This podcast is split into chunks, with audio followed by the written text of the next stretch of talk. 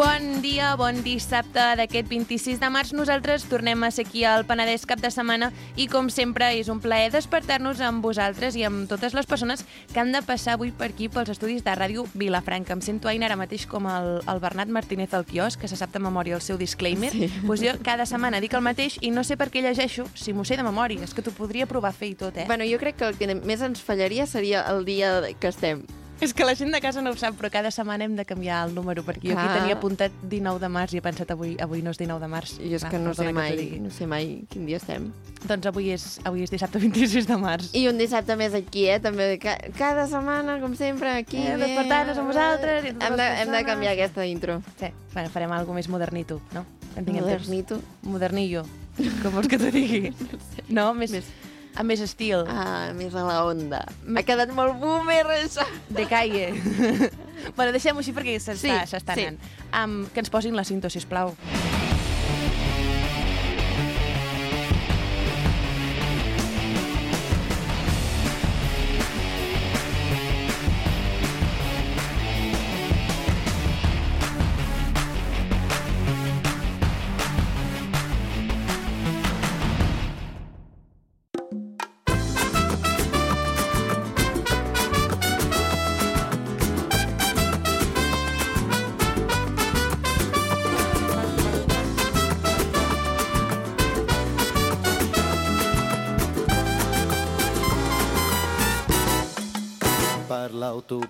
I comencem al matí, com ja us avançàvem, amb l'entremès de l'Enric Vidal i el Marc Paredes. Bon dia, nois. Hola, bon dia. Bon dia L'Enric i el Marc ens porten cada dissabte l'agenda cultural del Penedès i concretament avui ens parlaran del Festival de Música Músic Veu que organitza la Fundació Pinae. Ho estic dient bé, tot això? Sí, sí, correcte, sí. correcte. Així és, parlarem del Músic Veu, que es va iniciar el passat mes de desembre i que s'allarga fins ben entrat al mes d'agost, abans de la festa major, quasi, quasi. Llavors, és un festival de música que eh, ja porta forces edicions, concretament aquesta és la, la vuitena, i es va iniciar el 2015. Des del 2015 fins ara ja s'han dut a terme eh, doncs, 11, bueno, eh, molts espectacles en què s'intenta repartir eh, doncs, eh, molts estils de música diferents i el que ja hi han passat més de 11.000 assistents. Per tant, Enric, déu nhi al festival Músic Veu que organitza la Fundació Pinae. Feia força setmanes que volíem comentar aquest festival, no li, no li hem trobat a l'espai entre Carnaval, entre altres activitats, però avui sí, avui dia 26 de març, doncs hem trobat un foradet per comentar aquest Músic Veu, que potser molta gent no el coneix, però com diu el Marc, sí que realment té molt de resó, té molts espectadors i fins i tot té molts grups coneguts que han passat per aquest festival. Músic veu que comentarem avui, que tenim aquí a l'estudi el Martí Soler, president de la, de la Fundació Pinae. Què tal, Martí? Bon dia. Hola, molt bon dia. El tenim aquí per comentar aquest festival Músic Veu, que, Martí, a veure, per començar a introduir-nos una mica, per qui no sàpiga què és el Músic Veu, què és aquest festival que organitza la Fundació Pinae? És un festival, de, ja ho he explicat, de uns quants concerts de diferents estils, estils musicals. Tradicionalment es feia bàsicament al Fòrum Verger Balaguer, però ja ara fa un parell d'anys van començar a assajar la fórmula d'acompanyar el festival d'una proposta gastronòmica, o sigui, la gent, aquests concerts sempre es fan a les 7 de la tarda, acaben doncs a l'hora de sopar i eh, quan en, algunes, en alguns d'aquests concerts, doncs, després, les persones, la gent, el públic, qui vulgui, es pot quedar eh, menjar alguna cosa en el mateix espai. Naturalment, el Verger Balaguer no és un lloc adequat per, per fer sopars, i per tant aquestes, aquests concerts quan van acompanyats d'aquesta proposta gastronòmica doncs es fan en altres espais uh -huh. eh? I en els últims anys hem anat, hem anat sortint i aquest, enguany justament hi ha més concerts que es fan fora del Verger Balaguer que no pas els que es fan dintre segurament per, també per, per temes de la pandèmia, no? S'ha hagut de buscar altres alternatives que siguin... Sí, no, efectivament, efectivament. Eh, alguns, eh, aquests espais solen ser més grans que el mateix, que el mateix eh, Fòrum Verger Balaguer, que tenia, ara ja no, però durant aquest temps ha tingut eh, limitacions d'aforament i, per tant, doncs, una mica han sigut el, el, el motiu pel que han sortit del fòrum, però al mateix temps, al, al fer aquest assaig ens vam donar compte de que anava molt bé. -huh. I llavors dic, bueno, doncs anem a organitzar més coses fora del, del Verger Balaguer i així ens ho hem fet. Ara parlarem també de com us ha afectat la pandèmia a l'hora d'organitzar aquest festival, però abans, com sorgeix? Hem comentat que va sorgir el 2015, però a través de quina iniciativa o a través de, de quina entitat? Segurament que ja des de la mateixa fundació. Sí, sí, des de la mateixa fundació eh, van voler, eh, primer, eh, que a Vilafranca els diumenges a la tarda hi hagués una proposta cultural. o, o d'oci, si voleu, com, com vulgueu. I així ens van començar doncs, aquests, aquests concerts, i com dic, els hem, anat, els hem anat fent. Hem vist que hi ha ganes, sigui, la gent hi venia i que tenien força èxit i, és clar això ens ha animat a anar-los anar, -los, ampliant i al, més, al mateix temps a donar-li cada, cada any un contingut solidari. Uh -huh. És a dir, eh, la Fundació fent aquests concerts no hi guanya res, cobreix les despeses i l'excedent es dedica pues, a, una, a una causa solidària. Aquest any és per Llambrusca i Tiam, dues mm -hmm. entitats que treballen per la gent afectada d'Alzheimer. L'any passat va ser, crec, per la Creu Roja, l'anterior... En fi, cada any ha tingut una, una finalitat d'aquest tipus. I el, quan acabi això, doncs en el mes de setembre o així, ja, ja els hi donarem o entregarem el, als beneficiaris doncs, el, el, el rendiment que això hagi produït, que espero que sigui ben gran. Comentem aquest Músic Veu el dissabte 26 de març i a part que sí que li hem trobat aquest foradet i és perquè demà hi ha un concert que potser seria dels més destacats d'aquest Músic Veu d'aquest 2021-2022 que és el concert de les Anxovetes que es durà a terme als jardins de la casa Berc i Galtés que abans comentàvem que és per allà al Tívoli de Vilafranca. Per aquest concert no hi ha entrades, però que no es preocupi la gent perquè hi ha molts més concerts encara, Martí, per aquest uh, Músic Veu, que s'allargarà, comentàvem, sembla, al principi, fins al mes d'agost. És a dir, encara hi ha concerts de grups que, doncs, realment són, o espectacles, si més no, que són de grups reconeguts. És a dir, sí, sí, en un sí. festival que, que és reconegut. Sí, no, intentem que siguin actuacions d'una certa qualitat, evidentment, sí. -hmm. Com és que uh, és un festival que es prolonga molt en el temps? És a dir, que comença al desembre i finalitza el mes d'agost. Com és que no s'ha optat per uh, concentrar tots els concerts en potser dos mesos? Possiblement perquè la gent se'n cansaria. Uh -huh. És a dir, anar un cop al mes o cada mes i escaig a, a un concert és més fàcil que fer-ho cada, cada diumenge. De moment és una... I a més, és clar, també aquesta oferta d'oci també la repartim uh -huh. més, no? I llavors, eh, jo crec que fer-ho així, pues, això, un cop al mes, més o menys, pues, o algo menys, Mm, és un bon sistema. Abans parlàvem de l'afectació de la pandèmia, eh, també ens heu comentat no, que heu optat també per eh, implementar no, aquests concerts en espais exteriors, però clar, ara la pandèmia ja va de baixa i per tant algunes d'aquestes mesures ja es poden anar retirant, però en el moment de la pandèmia, és a dir, el mes de desembre d'aquest any, i també l'any passat, com, com es va haver d'organitzar aquest festival? Doncs amb limitacions d'aforament. Uh -huh. No féssim on fos, si era l'aire lliure era més fàcil, si era el Verger Balaguer, doncs, esclar, l'oferta d'entrades era inferior. Però en tot moment s'ha eh, decidit, no?, tirar endavant sí, aquest... Sí, sí, sí, sí, uh -huh. sí. Um, no obstant això, aquest uh, festival és una de les moltes activitats que organitza la Fundació Pinae, però també feu moltes altres, oi Martí, durant l'any i també durant sí, bueno, Vilafranca, ja sabeu, sobretot. Ja sabeu que allà al mateix Verger, mm. Verger Balaguer hi ha una sala d'exposicions mm eh, que també programa tot durant tot l'any un seguit d'exposicions. Ara mateix n'hi ha un de, de pintura modernista que us recomano molt vivament. Mm, crec que és la, la més anava a dir, la més important que, que farem aquest any, amb, les, amb, amb obres de més, eh, de més eh, anava a dir valor, valor també, eh, valor econòmic, tenim allà un, un, una quantitat considerable de diners penjada a la paret, eh, però al mateix temps que eh, una cosa que, que tampoc és fàcil de veure, aquestes, aquestes obres totes juntes. Eh? Mm. Si voleu, doncs anem comentant tots els actes que queden del Músic Veu fins ja a ben entrat el mes d'agost. I com has dit, Enric, demà tenim a les, les anxovetes, a, demà 27 de març a les 7, als Jardins de la Casa Berc i Galtés. Concretament, doncs, es situa per allà al Tiuli. Després també tenim el 10 d'abril a les 7 també de la tarda, l'Helena Gadel i la Marta Robles, un concert que jo eh, ja fa temps que el veig anunciat, eh? Sí. no només a Vilafranca, sinó a les xarxes socials d'ambdues actrius. I també, Enric, què tenim? Tenim el dia 7 de maig al Cava Centre, a la Facina de Can Guineu, a les 8 del vespre, i entrem al maig. Un concert de la Susana Sheyman, també una artista força reconeguda, el 28 de maig Tenim un concert de les Migues a la Masia Torreblanca a les 8 del vespre. També tenim el 19 de juny un concert que a mi em sembla curiós, que és un tribut d'Ava, un, un tribut que, que s'anomena The New Experience, al celler Codorniu. El 17 de juliol també tenim més concerts. Exacte, però, que dir... no sé si coincidirà aquest amb el Bijàs, perquè sí, veig que és de jazz, d'aquest concert que s'ha de dur a terme el 17 de juliol, i a les 8 del, del vespre, que és una banda de, de jazz, no?, mm. en aquest cas. Mm. Sí, sí, efectivament. I coincidirà amb el, amb el Bijàs o...? No s'ha fet en combinació amb el Bijàs. Mm -hmm. Crec que la coincidència de dates és purament casual, però també és un concert que recomano molt, aquesta banda, el Fredis, eh, que són un munt de gent, no sé quants vindran exactament, però és una banda, una banda molt gran, i que jo ja els he, jo ja els he sentit, em van agradar, em van agradar molt, i a més doncs, tenen un, un, fan una música molt, molt moguda, molt divertida. Jo em vaig divertir molt escoltant-los. I també crec que és un, un concert que estarà, estarà molt bé. Eh? Doncs en aquest cas serà el 17 de juliol a les 8 del vespre, concretament a les caves Joan i Cerdà, i per últim tenim el concert del 20 d'agost que posarà el punt i final a l'edició d'aquest 2022, en aquest cas amb el grup Northern Celos. En aquest cas doncs, és un format electrònic que també es durà a terme en unes caves, però en aquest cas a les caves Rovellats.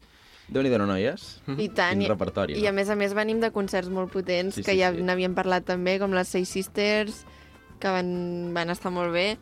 Sí, sí. Ava de New Experience també és un dels concerts que per Festa Major crec que va ser aquest any que va tenir molt d'èxit. Va venir Queen, però, Ah. sí, és un, però els tributs aquests sempre Fa, triomfen. fa uns anys sí que Fa va venir. Però Ava Sí, sembla sí, que va sí, venir sí. fa uns M'he- quedat però els- encallada, Els, tributs doncs. sempre són xulos, sempre són xulos. I de cara a les properes edicions, en aquest cas ja la de l'any vinent, ja esteu començant a preparar... eh, Sí, això es, es va treballant durant tot, tot l'any pràcticament, però clar, naturalment serà, serà a partir del setembre doncs, que ens posarem ja, o es posaran, perquè tampoc ho faig personalment, això és evident, ja a treballar de cara a l'any que ve, sí.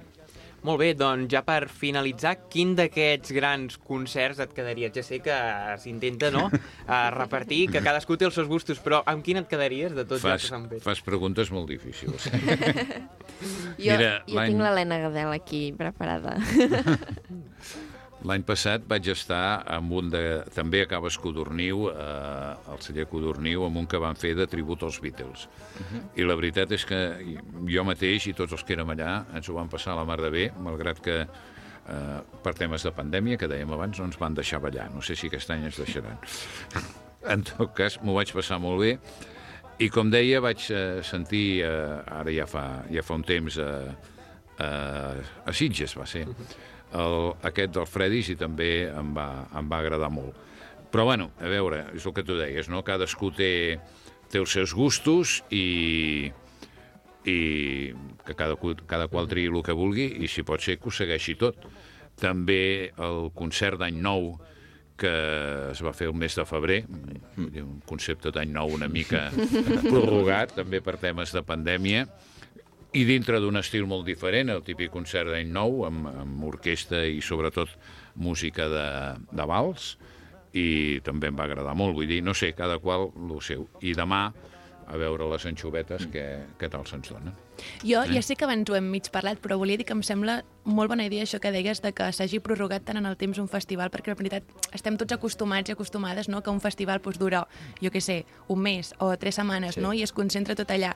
I segurament si féssim el Músic Veu en tres setmanes, la gent, com deies, no hi aniria tant, no? perquè no, no tenen temps a, a, a pensar i a dir, bueno, pues, aquest mes no aniré a tres concerts, no? Em sembla com una proposta super, super de bona idea. Bueno, me n'alegro de que, de que us, us sembli bé, jo també ho trobo així, i a més, si us fixeu, amb l'últim concert ja ens plantem quasi la festa major. Sí, sí, Clar. sí. És que amb la Eh? broma... I a més a Ja, més també és una bona sigui- iniciativa per animar els diumenges no? a Sí, Vilafranca, que a vegades l'activitat queda una mica morta i en aquest cas doncs, eh, aquests concerts fan animar l'ambient a la Exacte. vila. I sobretot deixeu-me dir que, a veure, que hem de destacar l'aspecte solidari que té això, sí. perquè de festivals i tal n'hi ha molts. Solidaris, que jo sàpiga, a Pocs. Catalunya només hi, ha, ha, només, només hi ha el nostre.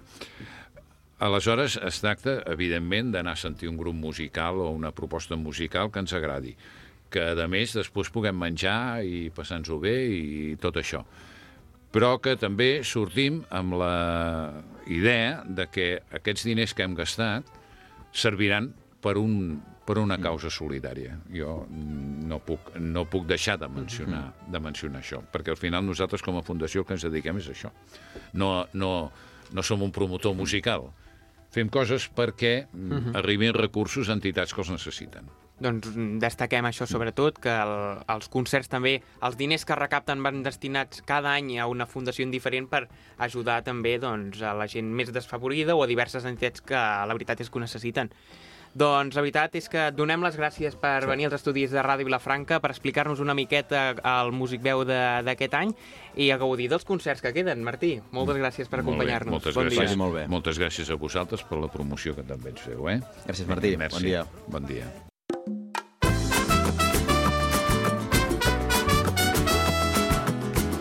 Doncs acabem de comentar aquest festival Músic Veu que organitza la Fundació Pinae des de ja fa una bona colla d'anys. Ho hem comentat amb el Martí Soler, president de l'entitat Pinae, aquesta entitat organitzadora. Però, Marc, aquest concert de les anxovetes no és l'única activitat que es durà a terme a Vilafranca durant aquest cap de setmana. Així és, aquesta mateixa tarda, a dos quarts de sis, si no vaig errat, doncs hi ha una presentació d'un llibre que es- s'anomena Retrobestiari, en aquest cas a la Casa de la Festa Major, que eh, aquell llibre conté, doncs, vaja, gran part de la imatgeria històrica, diguem-ne, de, de Catalunya per documentar no? i buscar les curiositats de cada peça entremès, eh, fent mm. també esment del nom del programa, doncs eh, recollits en un llibre. Per tant, doncs, tothom qui vulgui i que sigui amant del bestiari popular té una cita aquesta tarda a la Casa de la Festa Major, la presentació del llibre Retrobestiari. Ric. Això serà a la tarda, però és que aquest matí, noies, encara hi ha actes del Dia de la Dona referents al dia 8 de març, és a dir, i comentàvem abans que no podria ser el Dia de la Dona, podria ser el, És el mes de la dona. Mes. És a dir, també és, és, és xulo que, que es facin moltes activitats entorn d'aquest dia.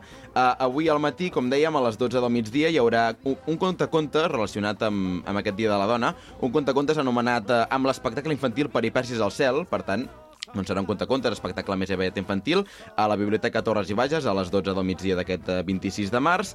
I també, continuant, Marc, amb aquesta activitat del Dia de la Dona, a la Així és. tarda eh, hi haurà una sessió de cinema. Correcte, a partir de les 6 de la tarda hi haurà un cinema, Feminismes i Resistències, així s'anomena, que organitza el Cineclub Vilafranca i, per tant, doncs, col·labora també el Servei d'Igualtat de l'Ajuntament de Vilafranca i el mateix Ajuntament. Per tant, doncs, qui vulgui veure aquesta mena de pel·lícula documental, ja veurem doncs, com és, a les 6 de la tarda a la sala... Eh, Sal, aquí posa la sala Salze de Vilafranca al Penedès, mm. no sé quina és, La sala Sasi. El, sí, la del ser, casal. no? Ah, la del casal, doncs eh, allà mateix doncs, es podrà veure aquesta mena de pel·lícula documental a les 6 de la, de la tarda.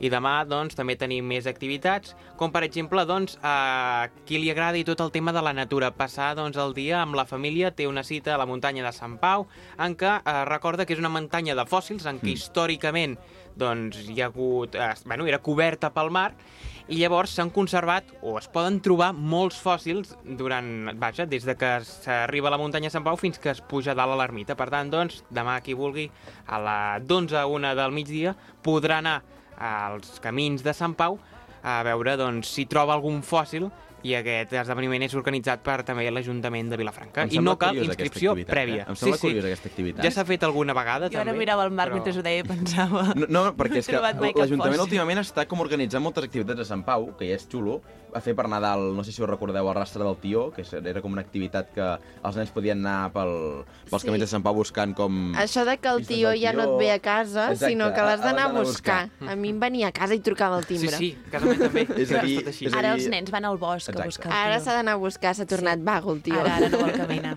Doncs l'Ajuntament està doncs, eh, explotant aquesta muntanya de Sant Pau. La veritat és que doncs, eh, és xulo que, que es facin activitats en aquesta muntanya. Aquesta activitat és curiosa, si a algú li agrada doncs, eh, el rotllo arqueològic, també el- a l'àmbit sí, i- natural... I passar el dia amb la família, Exacte, sobretot és- en un entorn proper com és el de la muntanya de, de Sant Pau, que moltes vegades tenim aquí al- al costat de la muntanya, però... Sí, no la veurem. mm, Clar, no, no l'anem a visitar prou, no? Però, bueno, el confinament jo personalment sí, sí que vaig anar molt, però... Jo també vaig fer uns passeos. Però, però, demà qui vulgui pot tornar a la muntanya de Sant Pau. I també recordem el concert de les anxovetes, del Músic Veu, en aquest cas eh, demà, diumenge 27 de març a les 7 de la tarda, al costat del Parc del Tibolí. Serà en un local o un recinte més o menys tancat, que serà un pati exterior, i per tant, doncs, eh, qui vulgui eh, hi tingui entrada, perquè Mm. la veritat és que Sí, ja s'han s'ha- acabat, doncs exhaurit, podrà anar a veure aquest concert.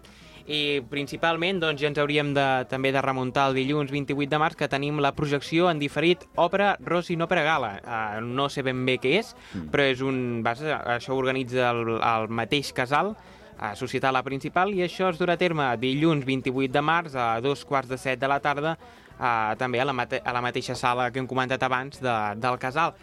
I, Enric, ja ens anem al Vilapensa. Sí, el dijous 31 doncs, ja començaria oficialment el Vilapensa 2022, que és una activitat que doncs, cada cop més va agafant més abranzida a Vilafranca. L'any passat doncs, va quedar una mica reduïda per, per la pandèmia i no sé ni si es va arribar a fer, però el Vilapensa, que es va presentar Fa unes setmanes doncs, comença ja aquest dijous dia 31 de març a les 7 de la tarda al Fòrum Verger i Balaguer amb una xerrada que s'anomenarà, o més aviat una trobada de lectors amb Nahat El Hakimi que dirigirà aquesta primera conferència oficial del Vilapensa. La setmana que ve comentarem el Vilapensa en profunditat, també parlarem amb l'organització, comentarem totes les conferències perquè realment és un festival filosòfic i eh, moltes conferències interessants. Així és, la setmana vinent comentarem en profunditat el Vilapensa i també destacar un aspecte que aquesta darrera setmana s'ha retirat la grua de vaja, de la plaça de Santa Maria, de, la- ja que han acabat no, les, les obres de la taulada. La mateixa Comissió Santa Maria 2020 ha anunciat que es podrà visitar la taulada, no sabem quan, segurament jo interpreto que serà amb les visites al campanar de Santa Maria. Per tant, doncs, ja un cop tret a la grua, que la veritat és que Sí, molestar una miqueta, està. Era necessari, era necessari. doncs, doncs que vaja, es podrà visitar i a més a més aquestes obres de, de Santa Maria, la taulada ha estat la, diguéssim, la restauració més llarga, ja que, vaja, ha durat gairebé 9 mesos. I per tant, ara també la, aquesta Comissió Santa Maria 2020, que havia d'acabar les obres en principi el 2020, però ja veieu on som, per diversos motius doncs han hagut d'allargar, Uh, les properes restauracions seran a la façana nord, que jo interpreto que és la façana principal. Per tant, Sí. no sé si recordeu, noies, l'any 2010 que hi havia com dues lones, dues embestides les dues torres Sí. de Santa Maria. Home, jo crec que no veurem això, no? Esperem però esperem que no. Que feia lleig per festa major, Sí, eh? sí, perquè sí. encara dos, hi anys, era. dos anys va afectar a la festa major, però bueno. Jo, jo tinc una teula de, la, de ah, Santa sí? Maria. Ah, d'aquelles que es pintaven, no? Sí, sí, sí. doncs bueno, tot Això és el que tenim per aquesta propera setmana i la setmana vinent, com ha dit l'Enric, repassarem en profunditat els actes del Vilapensa que començaran, o vaja, ja començaran aquesta propera setmana, concretament el dijous 31 de març. Molt bé, nois, doncs moltes gràcies per haver vingut una setmana més amb la superagenda i aquest Músic Veu i us esperem la setmana que ve amb molt més. Moltes gràcies, bon cap de. A setmana. Dia. vosaltres! per la porta del darrere com sempre he fet a la vida com un gat tímid que espera Penedès cap de setmana. El magazín dels dissabtes i diumenges a Ràdio Vilafranca. Quédate en la piel que te quiera, que te abrace la manera de sin corsé. Vamos a romper todos los I un dissabte més ja tenim aquí preparades a les noies de Desmuntant Masclismes, la Clara Sant i la Maria Blanca. Eh, Miren com si els anés a fer una foto. S'estan abraçant a la fotocol. Pensaven, no sé què fan perquè no les veurà No, ningú. perquè hem d'estar propet avui, perquè avui hem decidit gravar-nos. Home, una eh, com mica fan de- els professionals, llavors ens Sí. hem d'estar més a prop. Exacte, ja ens agrada estar més a prop, ja. Sí. Us voleu fer mimos? Clar que sí, Maria, tu i jo sempre. Un altre dia us expliquem la nostra relació. D'amor. Pixo. Bé, doncs, Quin dia serà? la, les noies de Desmuntant Masclismes venen cada setmana amb un tema diferent i posen llum en la foscor. Això només ho vam fer un dia. Sí. La setmana passada ens vam quedar una mica amb, amb la paraula a la boca, no? Sí. Perquè vam encetar un tema bastant calentet i, i volíem avui seguir una miqueta amb, amb el ritme que portàvem la setmana passada perquè ens van quedar coses al tinter per, I eren les més per importants. explicar, quasi. no? Llavors, per posar-nos en context qui ens hagi pillat de sopetón aquesta setmana, la, la setmana passada vam parlar sobre l'avortament i el dret a l'avortament, que nosaltres aboguem per un avortament lliure, gratuït i, I públic. i públic i ac- accessible per a tothom. I la setmana passada us vam explicar una miqueta pues, els dubtes i eh, no, els facts eh, més comuns sobre, sobre l'avortament i què implica, i pues, si fa mal, si no fa mal, si, si puc tenir accés i on he d'anar i quins tipus d'avortament podem, podem tenir aquí a, a Espanya. Eh, I avui volíem parlar Noies, més... espera, un segon. Podem fer un repàs de on poden trobar la informació per la gent, a part del Bé, programa anterior, que es pot recuperar a Spotify o a la carta de Ràdio TV Vilafranca. Recupereu-lo, sisplau. Si no el voleu recuperar, us fa mandra, doncs tenim la web, que ara ens la diran. A la web de la Generalitat tenen un apartat que, es, que diu exactament... Eh, que es diu... Eh, eh, jo, joves... I, bueno, si poses al Google on puc avortar a Catalunya, eh, la Generalitat té una web molt maca que ara mateix Sí, no estic trobant. fàcil. I allà t'ho explica tot. Si eh, no tens accés a internet o no ho pots mirar, pots trucar al 061, que allà també et respondran eh, on pots anar a informar-te sobre, sobre els drets eh, i com avortar. També pots anar al teu centre d'atenció primària, al CAP, i preguntar al teu metge de capçalera, que no et posarà cap mena de problema. I també hi ha els centres d'atenció a la salut eh, sexual i reproductiva, els centres ASIR, que són gratuïts i públics eh, arreu de, de Catalunya, i eh, allà també pots eh, rebre tota aquesta informació, que t'ho diran millor que nosaltres, perquè nosaltres no som experts en el tema, No. i que t'ho han de dir per obligació, perquè estan més que obligats a garantir-te aquest dret. Ah, Exacte. Perfecte, molt bon repàs. Vale, llavors, ara volíem seguir una mica amb, amb el que vam deixar l'últim dia, que era uh, si es pot pro- avortar a tot arreu o no. Exacte. Mm, bueno, una I, I a mica... Catalunya què, què ens trobem, no? Perquè ens pensem que som una societat superavançada i que ja ho tenim tot garantit i que no, no falla res aquí, i evidentment pues, això no és així. No, ens trobem que estem uh, igual que fa 50 anys. Sí, llavors a Catalunya ens trobem eh, diversos problemes. No és només un, no? Per, per fa- facilitar encara més les coses, eh, no és només un, una um, trava que ens trobem, sinó vàries. Comencem per la primera trava, que és l'objecció de consciència dels professionals. Eh, fins fa poc no hi havia professionals que acceptessin fer abor avortaments a tota la zona del Pallars. A més a més, a dia d'avui encara no es pot avortar eh, a l'Alt Urgell, a l'Aran ni a la Seu d'Urgell perquè tots els professionals que hi ha als hospitals eh, respectius fan, eh, fan servir aquesta objecció de consciència eh, i, a més a més, volem afegir pues, que són zones on precisament el bisbat d'Urgell hi té molt de pes.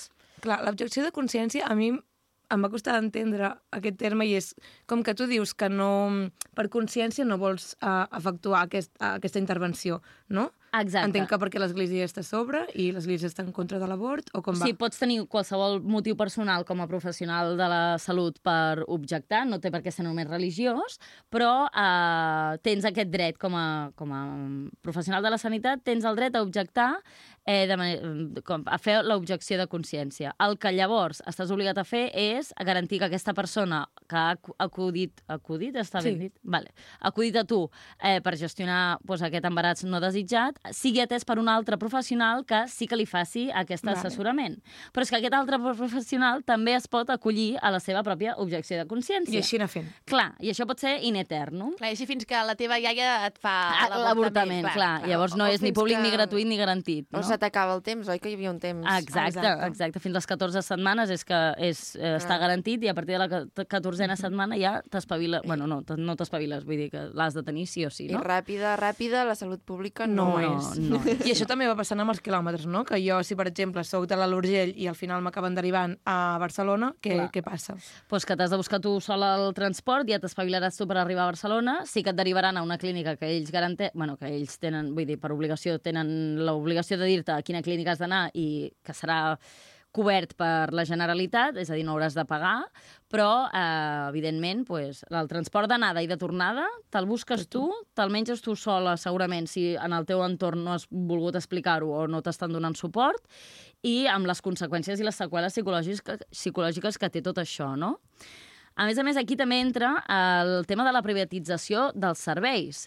Eh, si hi ha una objecció de consciència o si a l'hospital on tu estàs anant a avortar eh, diuen que no tenen els recursos suficients per garantir-te un avortament i et deriven a una clínica privada, que és bàsicament un encobriment de privatització dels serveis, eh, només fem que afavorir les empreses privades, pagar amb diner públic serveis privats i pues, mm, foment, bueno, a- incrementar el deute públic i el gasto en, en, en coses que haurien d'estar garantitzades en el sistema públic i no, que no haurien de costar tants diners, no? La privatització sempre és un problema. Exacte. A més a més, hi ha professionals, i això ho volien denunciar unes companyes de RAN, eh, hi ha professionals que exerceixen el seu dret a l'objecció de consciència al sistema públic, però que els mateixos professionals tenen una part del, de les seves hores a l'empresa privada i formen part eh, d'aquesta plantilla de centres privats on es duen a terme els, eh, els avortaments que són derivats de l'empresa pública. Bé, m'he liat. Sí.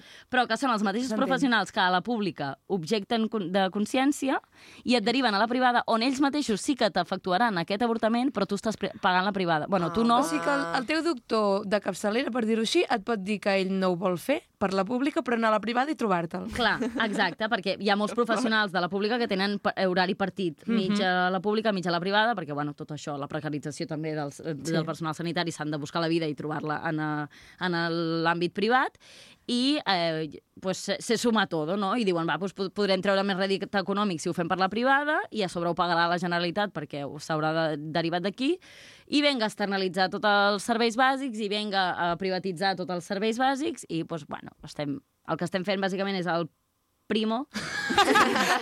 He pensat peripé, no sé què, Sí, primo. estem fent Vale. el primo, pagant Sí. a les empreses privades eh, un servei que hauria de ser públic i garantit. Per altra banda, també volem parlar de les coses bones que s'han aconseguit, com les nostres companyes de Manresa. Sí. Bueno, Manresa hi ha l'Hospital de Sant Joan de Déu, que és el més gran de Catalunya central, i el 2020 eh, van denunciar perquè no es podia avortar ni quirúrgica ni, ni far farmacològicament, i van aconseguir-ho. Sí. Bueno, va ser una campanya bastant Potente. potente. De fet, aquí també ens va arribar Sí. i vam col·laborar amb elles. I han estat dos anys fent aquesta campanya i ja, eh, crec que, mm, si no recordo malament, eh, fa qüestió d'un mes o mes i mig, sí que va sortir ja per fi la consellera de Salut dient vale, ara ja sí, a partir del maig us prometem que l'avortament serà garantit a, a Manresa. Però fins ara no ho han aconseguit. O sigui, porten dos anys picant pedra les feministes de, de Manresa per aconseguir aquest dret garantit, bueno, bàsic. Mhm. I, i, bueno, I això, el mateix passa, o sigui, el que passa a Manresa, també ens hi trobem a, a Igualada,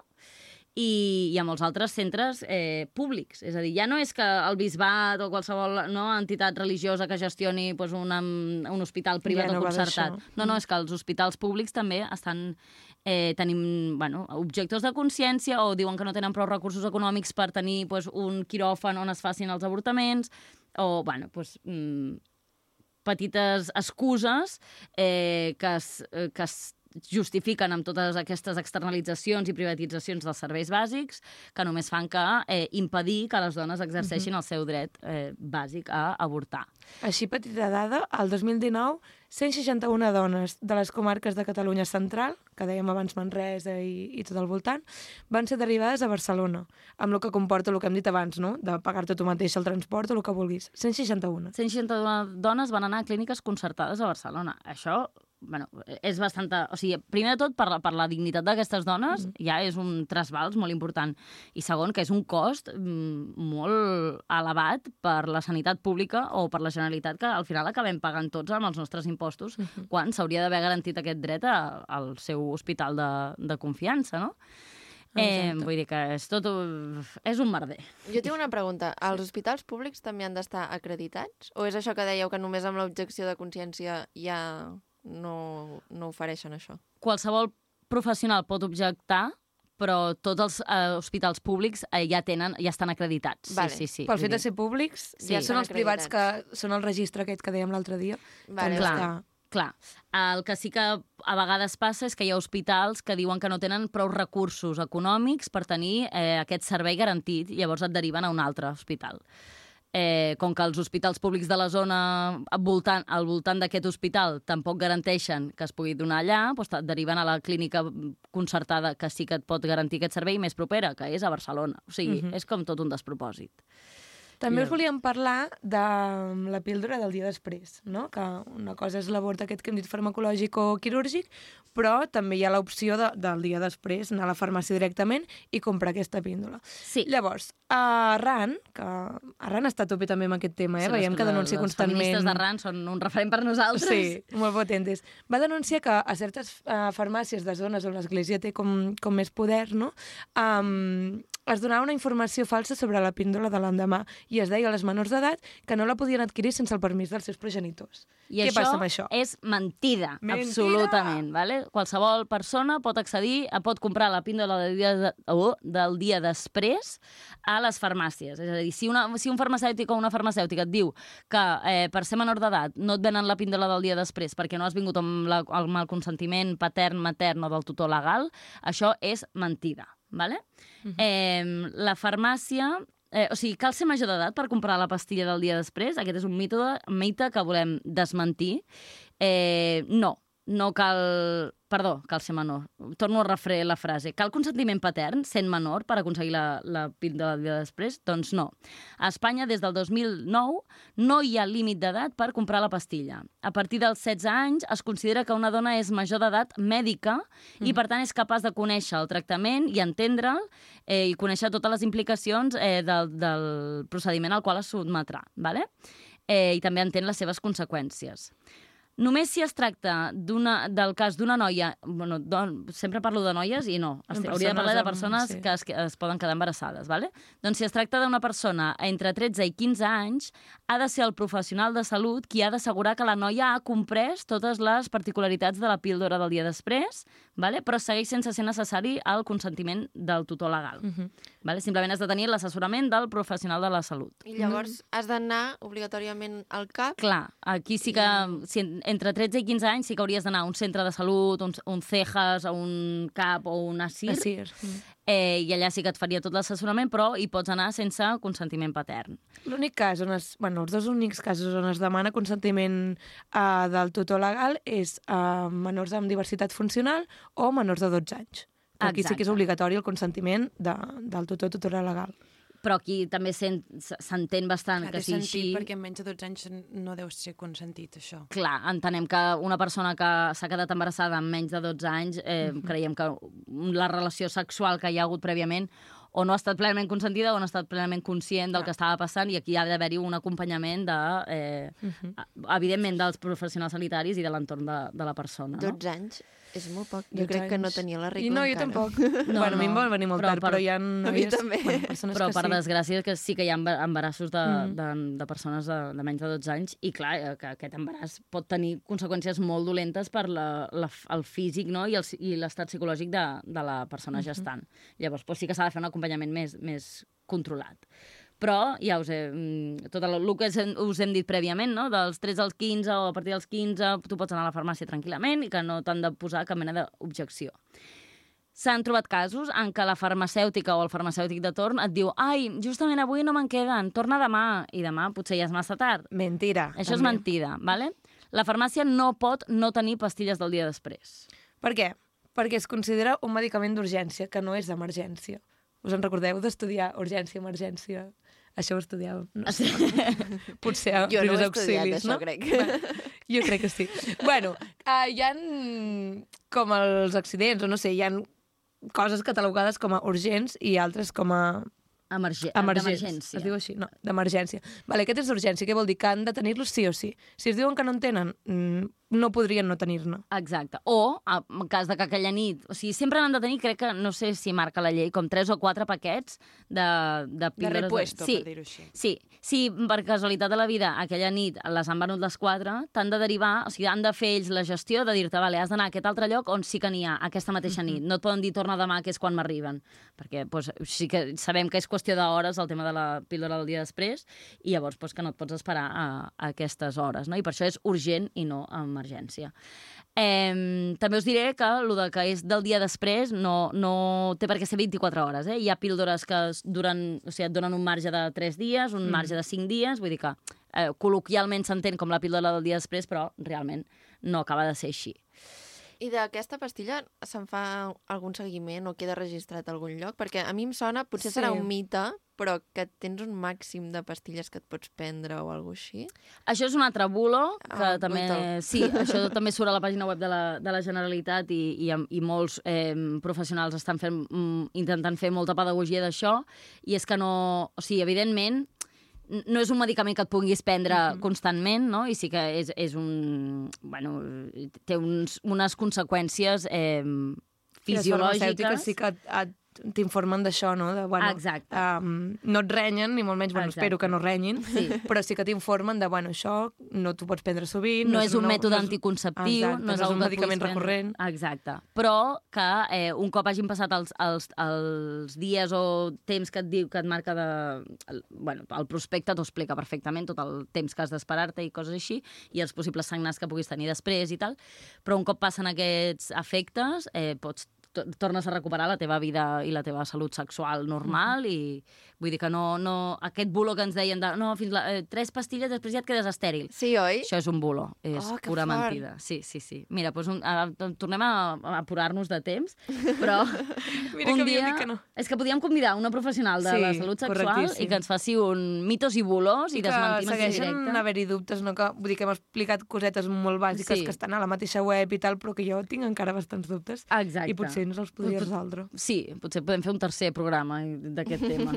Perquè jo, jo vull fer una pregunta, potser no ho sabreu. Vinga. Perquè ja... Provem. Perquè som unes ignorants. No, no, no, perquè el que sabeu, el que sabeu és el que posa aquí escrit i potser això no ho explica. Però l'Aina ha preguntat això de que si hi ha algun um, com es diu, el, que et fan algun... No, no registre, sinó uh, hi ha un progrés, és a dir, t'estan estan seguiment. pendents Un seguiment, acompanyament. si fan un seguiment, un Mhm. acompanyament. Perquè jo li venc, soc farmacèutica i li venc una pastilla del dia després a una persona menor, i jo no sé si aquella pastilla li funcionarà. Pot ser que no vagi bé, Clar, jo perquè que... jo entenc que hi ha mm, casos per tot Mm. el món i pot ser que just amb aquella persona... Clar, i l'eficàcia també depèn del, No és el del cos de- 100%. Clar, com, com poden... Vull dir, pot ser que aquella persona segueixi embarassada tot i haver-se pres això i que no ho sàpiga. Mm. Sí, això com a farmacèutica crec que no tens cap mena de manera ni de No tens el compromís Exacte. per... Vale.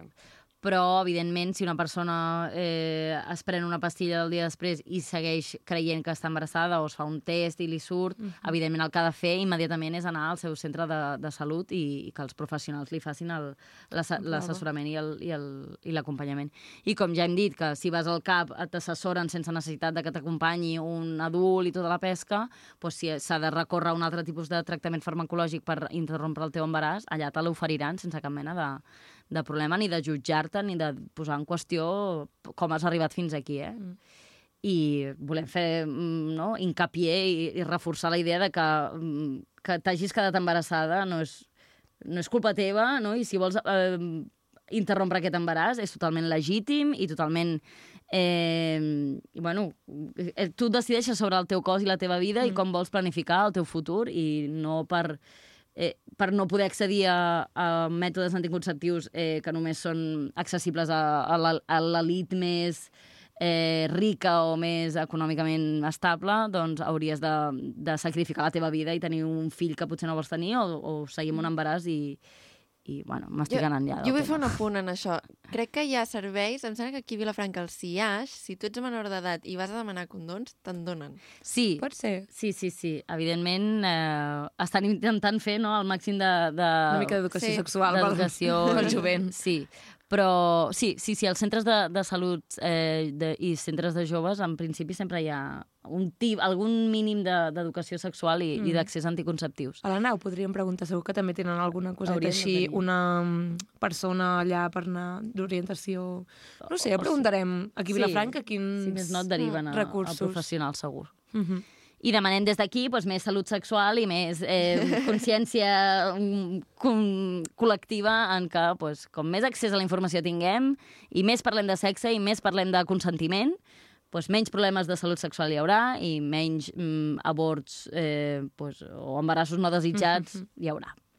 Doncs moltes gràcies, noies, per aquesta part 2 de, de l'avortament. Ens veiem la setmana que ve. Estupendo, merci. Gràcies, noies. Adéu. A vosaltres. Hay el mundo, ausente de esclava. Sepan que por golpe no crece. Ràdio Vilafranca.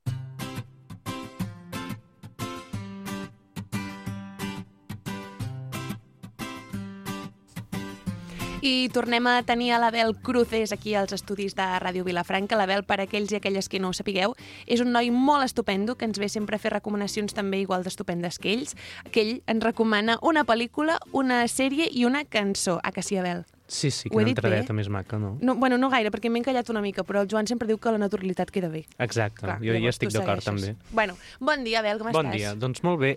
Molt bé, entre cometes, perquè Apa! vinc una mica enfadat. Ostres, Ui, ui, ui. Sí, d'una pel·lícula que vaig veure que toca una mica la patata. Toca la patata. Toca la Llavors patata. no estàs enfadat, estàs afectat. Afectat, enfadat. Eh, Vale, es- explica molt explico, bé això. Sí, explico. Sí. Doncs mira, la pel·lícula que us vull recomanar, per si us voleu enfadar, és... A mi m'agrada molt enfadar-me. exacte, exacte. És I Care A Lot. Jo em preocupo molt. Clar. Vale? És una pel·lícula que es va estrenar el 9 d'abril del 2021, o sigui, no fa ni un any, és bastant recent, la podem trobar a Amazon Prime, i és, una, és de gènere comèdia negra, thriller, té els seus sustos, però és així comèdia negra, un humor així que et pot agradar o no et pot agradar.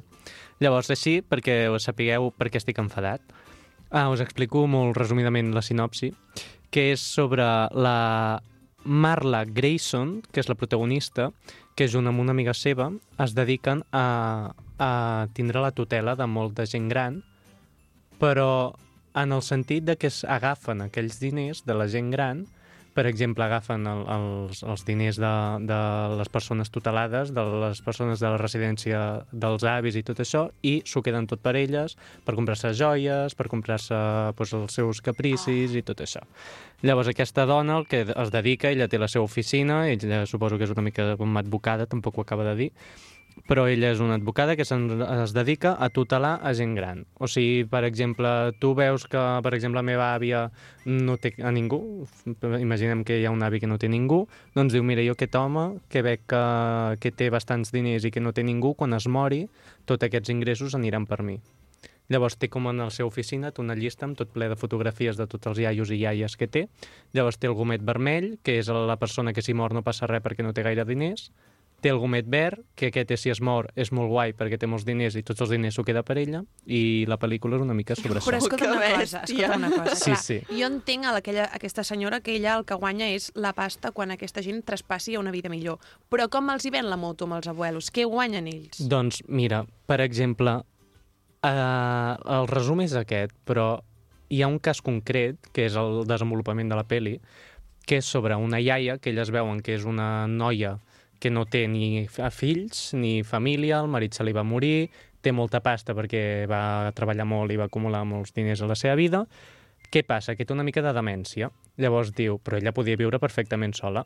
Diu, què passa? Doncs jo vaig a un jutjat, li dic, li menjo el coco al jutjat, i, ai, al jutge, i li dic que, que és una noia que està, és una dona que comença a tindre demència, que no pot mm, cuidar-se per ella sola, necessita, la medica, necessita medicació, uh, jo crec que estaria el millor per ella que tingués una persona tutelada perquè se'n pugui cuidar d'ella i tot això. Doncs com que li menja una mica el tarro el jutge i aquest li concedeix la tutela al, a la noia aquesta.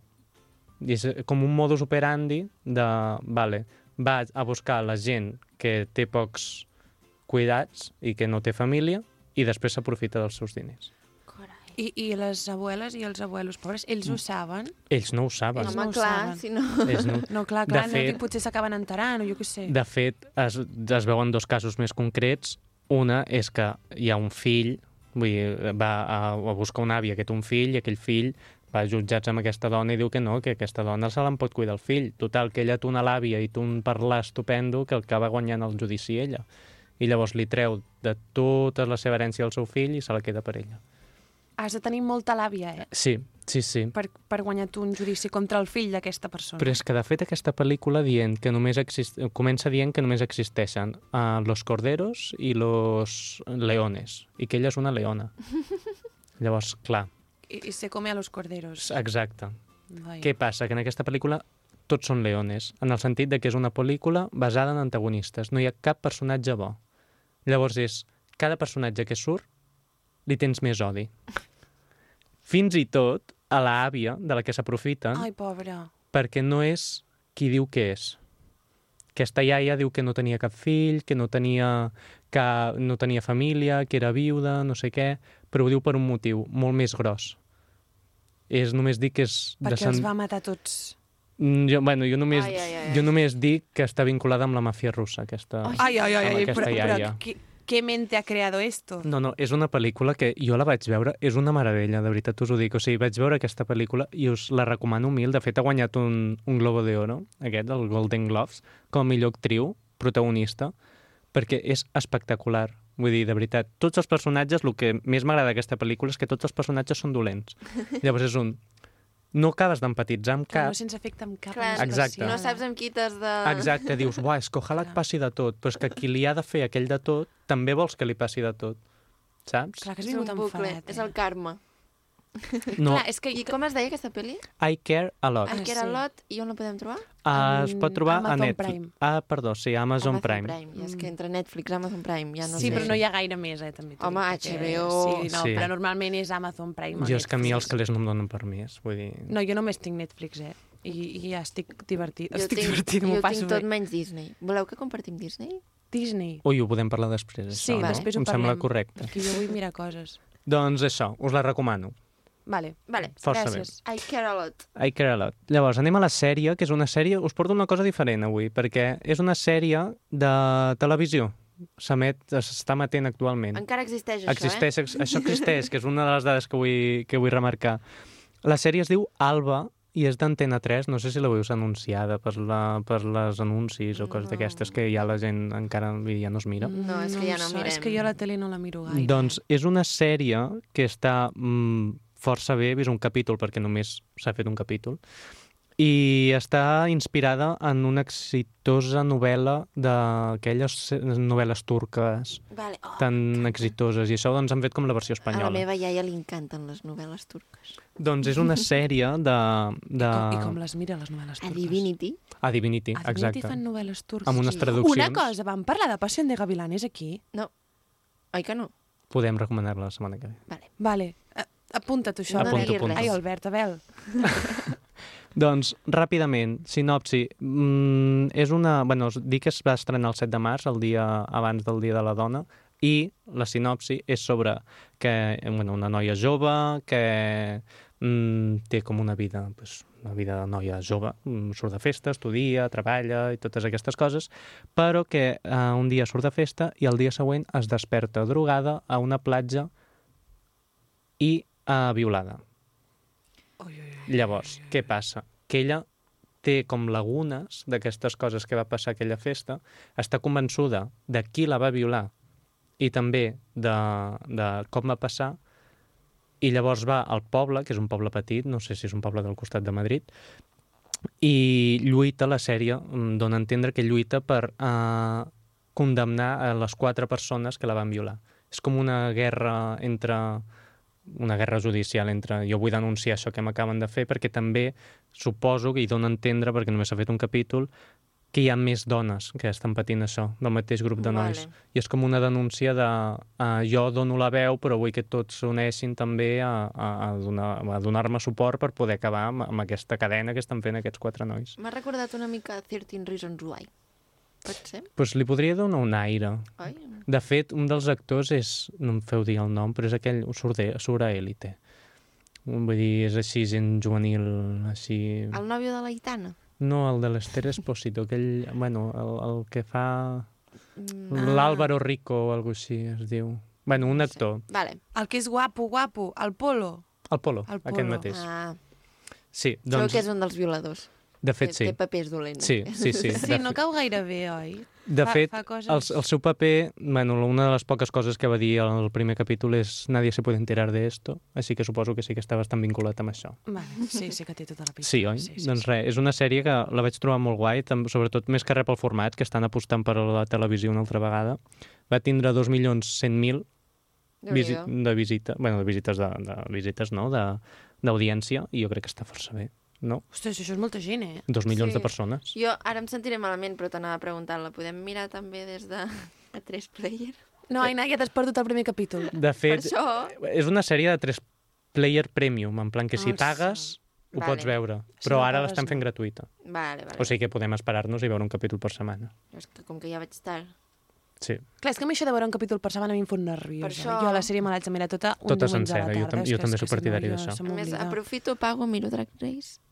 Ai, la Drag Race. És que cada setmana cada ha de sortir. setmana ha de sortir. Cada setmana. Encara que a gent no li agradi, això No, de sortir. és que a més un dia m'ho va fer mirar i jo em vaig a dormir, te'n recordes que jo em vaig a dormir? Sí, sí, sí. sí. I m'anava fent, ets, mira, mira, mira, i pensava, però no ho veus que estic dormint? Bueno, és igual. Alba, Antena 3, Alba, per, sí, qui és vulgui, per qui vulgui veure-ho. Quins dies? Els dimecres. Dimecres. Sí, dimecres a les 10 i mitja, 10.40, aquells horaris que dius, home, una mica abans, no? Sí, que ja a la meitat ja t'adorms. Sí. Quan et posen la publicitat aquesta llarga que dura... És Sí. que foten una publicitat que fot cagar, també Però hi ha dic, dos eh? milions de persones que s'ho miren. O que s'han adormit. O que s'han adormit, clar. Ah, La tele encesa tota la nit. eh? Doncs passem a la cançó. Uh, us vull recomanar una setmana més un àlbum i d'una artista que jo crec que ha tardat molt en sortir, que és la Beyoncé. ah, Mm? Us vull recomanar del, del àlbum Lemonade, que és el- l'últim àlbum que es va treure el 2016, que això fa sis anys, de fet. Quants anys? Sis anys, i no s'ha dignat a treure àlbum, però no passa res. I... Està, està molt ocupada, sí. Sí, no, està ocupada. No, és que és veritat. És... vida d'artistes. Us vull recomanar la cançó de Hold Up, eh? Com espereu-vos, o no sé quina és la traducció literal És de que Hold clar, Up. és un phrasal verb d'aquells. Sí, és un phrasal verb que tu el pots interpretar com clar, tu i vulguis. cadascú veu... Sí, veu sí. Uh, la cançó la va fer quan es va enterar de que el Jay-Z la va... La va... Enganyar. Enganyar. De fet, l'àlbum és una mica la ruptura que van tindre, però que ara tornen a estar junts, van tornar a tindre bessones, bueno, doncs, Que una mica això. feo. Ai, no Sí. sabia que havien tornat i tenien fills i tot. Sí, sí. De fet, suposo que la Beyoncé necessitava expressar-se d'alguna manera i ella, que és músic, va dir, pues, bueno, pues ho faré a través de cançons, Sí. no? Com Imagina't que tenen un moment romàntic ell i ella i estan, jo que sé, al jacuzzi, allà al seu lavabo amb espumeta i de cop comença a sonar aquestes cançons rajant d'ell. Això talla el rotllo que flipes. I jo crec que deu tallar molt el rotllo. Clar. Però ja li està bé. No. Home, i tant. Però llavors per què estan junts? Que ofegui el noi al jacuzzi. És que jo això us vull preguntar. Hi ha un moment de la cançó, que aviam que us ho dic, aviam si ho trobo per aquí. Ah, sí. Que ella es pregunta, fa una pregunta retòrica d'aquestes, què és pitjor? Semblar que estàs gelosa o semblar que estàs boja? Després d'una infidelitat. Mm. Semblar, que que estàs gelosa, gelosa. rotllo, tu t'ho calles i tens molts gelos, o semblar que estàs boja perquè li has dit i ets una dona desesperada, com tothom diu que... Sa- Sembla que pues estàs que, boja. est- que, est- sí? Sí, jo No. és que no puc callar les coses. A mi em fotria molta ràbia que pensessin que a sobre estic boja. Que pensin, també si volen, que pensin que estic gelosa, mira, me la, me la repampinfla, però que a sobre pensin que jo sóc la loca, no, no. Prefereixo que pensin que estic gelosa, tot i que no, no. Doncs ella mateixa es contesta que prefereix estar boja. Com jo. Però no has La canviat. Beyoncé pensa Però tu no has canviat al igual, final. Ara, ja... Ara, ara no, ara, ja- Aina, tu no. Ara, la la Beyoncé, Beyoncé. no. Si la Beyoncé pensa com jo, doncs... no sí. E- Ella pensa com tu, sí. no tu com... Doncs és una cançó que us la recomano molt. De fet, és un gènere així, el seu gènere soul, no és pop, eh? és així l'R&B soul que té ell així de negra, de dona forta. Doncs us recomano molt escoltar aquesta cançó, la lletra és molt divertida, poseu-vos la traducció i els lírics perquè costa d'entendre. Perquè, clar, és que si ja es comencem amb un fris al verb, que, Sí, que has clar, de noi. Què hem de dir? Què hem de dir? I res, us recomano aquesta cançó que la podeu escoltar a continuació. Molt bé, Bel, doncs moltes gràcies. Esperem que ara el Joan ens posi aquesta, aquesta Lemonade Hold Up i a veure, ja la comentarem el pròxim dia, si de cal. Gràcies, a, a, a Albert, anava a dir. Abel, Altre cop. sí, no sé què em passa avui. Ah, adéu.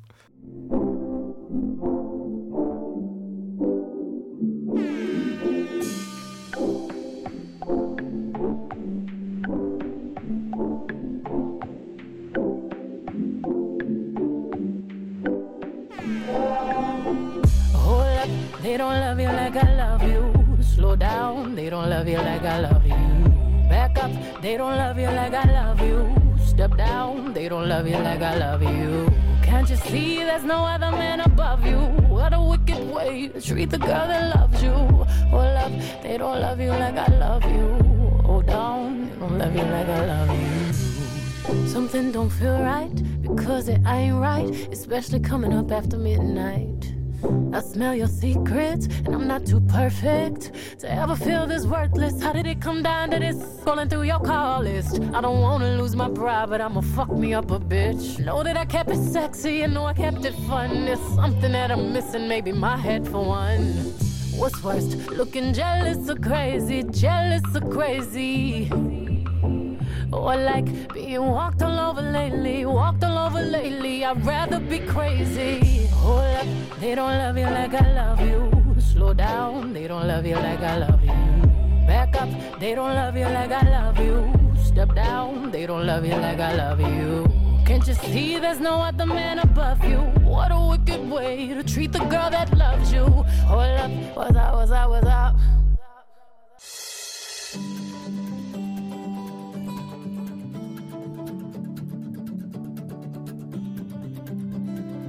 I comencem ara mateix amb la secció de Cuida't. Cuida't és una secció on portem a diferents professionals de la salut i ens expliquen coses en relació, per exemple, a la psicologia. De fet, si us recordeu, la setmana passada va venir la Sara Sánchez, que es va estrenar una nutricionista i dietista i ens va donar diferents consells. Doncs avui tenim un altre cop a l'Albert Pi. Bon dia, Albert. Bon dia, moltes gràcies per convidar-me. Ja hi tornem a ser, oi? Ja hi tornem, som-hi. Bé, què parlem avui? Avui ens estaves fent una mica d'espoiler, però et deixo dir-ho tu. Avui parlarem de la felicitat. M'encanta. Què us sembla? Ah. és que és tan xula. A més, crec que és un tema que a tothom li pot interessar, no? Perquè diuen que l'objectiu final de l'ésser humà és buscar la felicitat. Llavors crec que als nostres oients els interessarà aquest trosset de- d'avui. I ser feliços. I ser feliços, sí. Diuen que la felicitat no és un objectiu, que és un camí, i llavors tu vas avançant a la vida i... Bueno, no sé, no sé, no sé. Ara ho veurem, ara sí, ens ho ara ens ho explicarà. explicarà l'Albert. Doncs pues mira, jo us he portat primer la definició de la RAE i després us diré la meva, vale? què us sembla? Perfecte. Perfecte. La definició de la RAE diuen, bueno, l'he traduït al català, que és un estat de grata satisfacció espiritual i física. I fixa't que port, posa, posen la paraula espiritual aquí, no psicològica. I per mi la meva definició de felicitat és com un estat de satisfacció vital, és com un estat de realització, d'estar content en com tens la teva vida, no? Si, per exemple, demà s'acabés el món, estaríeu satisfetes amb el camí que heu viscut fins ara? Si és que sí, és podríem dir doncs, que bueno, portem una vida plena, no? que estem caminant el nostre camí. Si és que no, és que potser hauríem de fer algun canvi en la nostra vida. O sigui, és, és la, la senyal, el punt clau. Si demà s'acaba el món i no estàs content, alguna has de fer. Però clar, també pot ser que o sigui, em diguin, Uah, si s'acaba el món Judit demà, vol dir... Bueno, serà com la senyal per saber si estàs satisfet amb el que has fet, però jo puc haver sigut molt feliç i no estar satisfet amb tot el que he fet. És a dir, jo tenim molts objectius que no he arribat a complir, però no per això sóc menys feliç. Però o què? estàs en el camí de complir-los, oi que sí? Vale. Llavors, si aquests objectius, per exemple, has d'acabar, uh, no sé, pues, uns estudis o has d'acabar una carrera professional però portes mm, 3 anys i acabes de començar, doncs, mm, òbviament, no has tingut temps de fer-los, però estàs en el camí de complir-nos, llavors estàs en el teu camí. Llavors podríem dir que, que sí, no? que, que, que té sentit la teva vida, que, que tens una vida realitzada. Clar, perquè vaig com amb la direcció, no?, per dir-ho així. Ah, exacte. Encara que no hi hagi arribat. I us vull fer una pregunta, perquè sempre es parla molt de la felicitat i hi ha com molts debats així doncs, de la gent que, que, que no coneix exactament doncs, quines són els fonaments de la, de la felicitat. Què creieu vosaltres que és més important per a una persona sigui feliç? Ah, però no ens dones opcions? No, no, no, us deixo així, pregunta oberta. Ah, opció B, no, no, desenvolupa. Jo també, ara és més difícil O sigui, així, eh? que, que... bé, M'ho pots tornar a repetir, Albert, això? Quina creieu que és um, la cosa més important perquè una persona sigui feliç a la vida? Quin aspecte és el més important perquè una persona sigui feliç? És difícil, vale. eh? I jo no sé si és la més, però jo crec que una que és important és l- l'amor. Però no em refereixo a l'amor de parella, eh? Però l'amor propi, l'amistat, o sigui, tenir amics i estimar-los, tenir família i estimar-te, estimar-te tu mateix, jo crec que és una de les coses que pot fer més feliç a la gent. Jo crec, o sigui, crec que al final estimar és maco i estimis a qui estimis, si a més a més t'estimen a tu també, jo crec que això fa feliç. Jo anava a dir alguna molt semblant. A tenir gent a qui estimar i amb qui compartir moments i, i a l'inrevés, no? Doncs tenir um, gent que t'estimi i que vulgui compartir la seva vida amb tu. Doncs felicitats perquè l'heu clavada a la clau. Un aplaudiment per vosaltres. Gràcies. I us porto un estudi, crec, ha sigut l'estudi més llarg que s'ha fet a la història, és de la Universitat de Harvard, que és una de les millors universitats del món. Han estudiat, estudiat durant 80 anys Uau. a moltes persones. Van començar amb 268 persones i ara només en queden 19 de vives d'aquestes. I van començar a afegir a persones durant al llarg dels anys i han, han arribat a estudiar 1.300 persones tota la seva vida. Vale? És un estudi vital on els hi anaven doncs, fent entrevistes i tests preguntant a les persones si eren felices, què els hi faltava, quin tipus de treball tenien, i el que van descobrir aquests experts va ser que no eren ni els diners, ni la fama, ni fins i tot la salut, sinó les relacions properes i de qualitat, l'ingredient més important per a la felicitat. Així que enhorabona, és l'amor, no? És l'amor, és, és això que, que heu estat dient vosaltres. De fet, hi han tres àrees mestres de la vida, el salut, la salut, els diners i l'amor, i l'amor és l'ingredient més important per a la nostra felicitat. És que estic super d'acord. O sigui, i a més penso que va... O sigui, perquè l'amor al final porta moltes coses. La companyia, saps? El, el no sentir-te sol, perquè de vegades la gent gran que està sola, jo crec que deixa de ser una mica feliç perquè es troba com que no té companyia, no té, al final, pues, amor, saps? De les persones que, que podria tenir al voltant. Llavors jo estic super d'acord amb aquest estudi. Exacte, tens molta raó amb això. A més, també uh, van descobrir que les persones que, que vivien, patien soledat, vivien molts menys anys, que de fet la soledat mata més que el tabac o que l'obesitat. Hi ha estudis que demostren això, la, la soledat mata. Per això, bueno, la soledat al final és la falta d'amor, no? Per això l'amor i tenir relacions familiars, d'amistat, de qualitat, íntimes en les que puguis confiar, és molt important per tenir una vida plena i saludable, també. I els altres dos punts que has dit ha sigut salut i diners? També Sí. són pilars de la felicitat? Són com les tres àrees mestres de la vida, salut, dinero i amor, no? El que, el que Però cantava aquesta cançó. sí, tu penses això de veritat? A més, la, la Sí. típica de millor plorar en un Ferrari que... Sí. No, fi, mira, parlem dels diners, perquè és un tema molt polèmic. Si us hi fixeu, els diners no són importants no són importants quan tu tens els suficients, però quan no en tens és un gran problema. De fet, moltes de les discussions familiars venen a partir dels diners. Molts dels divorcis venen a partir dels diners. Hi ha molts problemes econòmics que comporten problemes de salut, també. Si tu no tens diners, potser no pots pagar-te una bona salut. Llavors, els diners són importants. Encara que hi hagi gent que no li agradi, són importants, perquè si tu no tens diners, primer no pots menjar ni tenir una casa. Clar. Llavors, fins al llindar mínim és molt important. A partir de, de tu tenir les teves necessitats bàsiques satisfetes, llavors ja no són tan importants. Però si tu no tens gens de diners, no pots ser feliç. Això és cert. Vale, o sigui, el problema són quan no els tens, perquè jo a vegades m'ho penso, no? I miro gent rica, jo miro les Kardashian, ho sap, a m'agrada molt, la Kylie Jenner, no sé què, i penso, no les veig que siguin molt més felices. És a dir, em refereixo, jo no tinc els diners que tenen elles, i potser jo sóc més feliç i tot. Saps què Clar, però hi ha preocupacions que tu tens i que elles no. O sigui, jo entenc això de que no és que, que sigui indispensable, però sí que t'estalvies unes quantes preocupacions. Exacte, com pagaré les factures, ara la llum s'ha encarit, ara no engego la calefacció, ara la meva parella no treballa i ens discutim a casa, etc. Però tu creus, per exemple, que si elles tenen... O sigui, si- la meva preocupació són els diners, imagina't. No, tampoc és això, una mica sí, però tampoc és això, eh?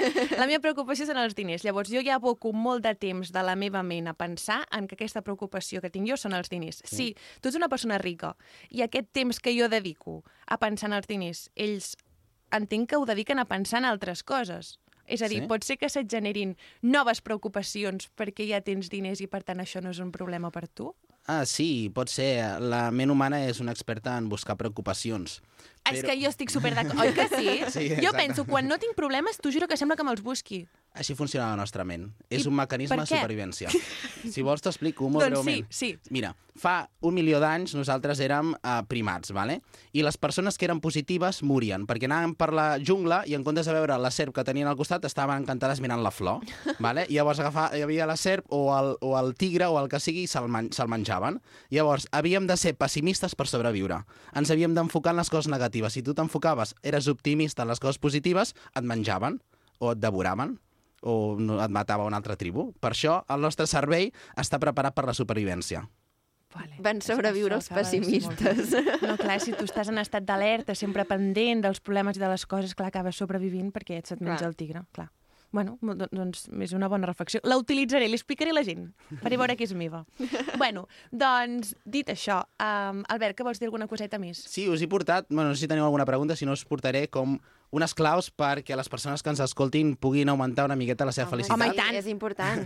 Vale, anem ràpid. Primer, l'autoconeixement. És molt important. Quan tu et, cone et coneixes a tu mateix, saps qui ets i saps el que vols. I quan saps el que vols i et dediques a això, et, et realitzes, tens una vida realitzada amb sentit. Important, coneixes un mateix.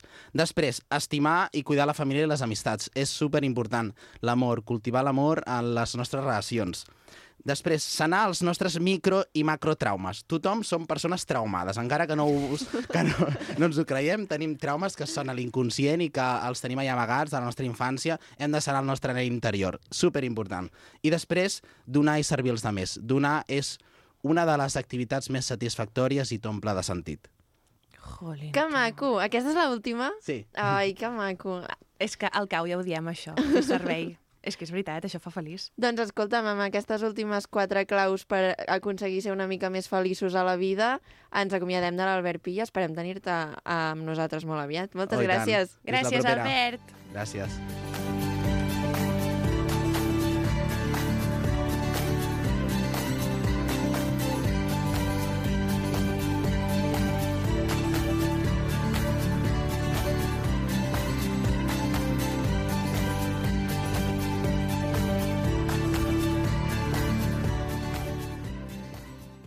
Penedès cap de setmana.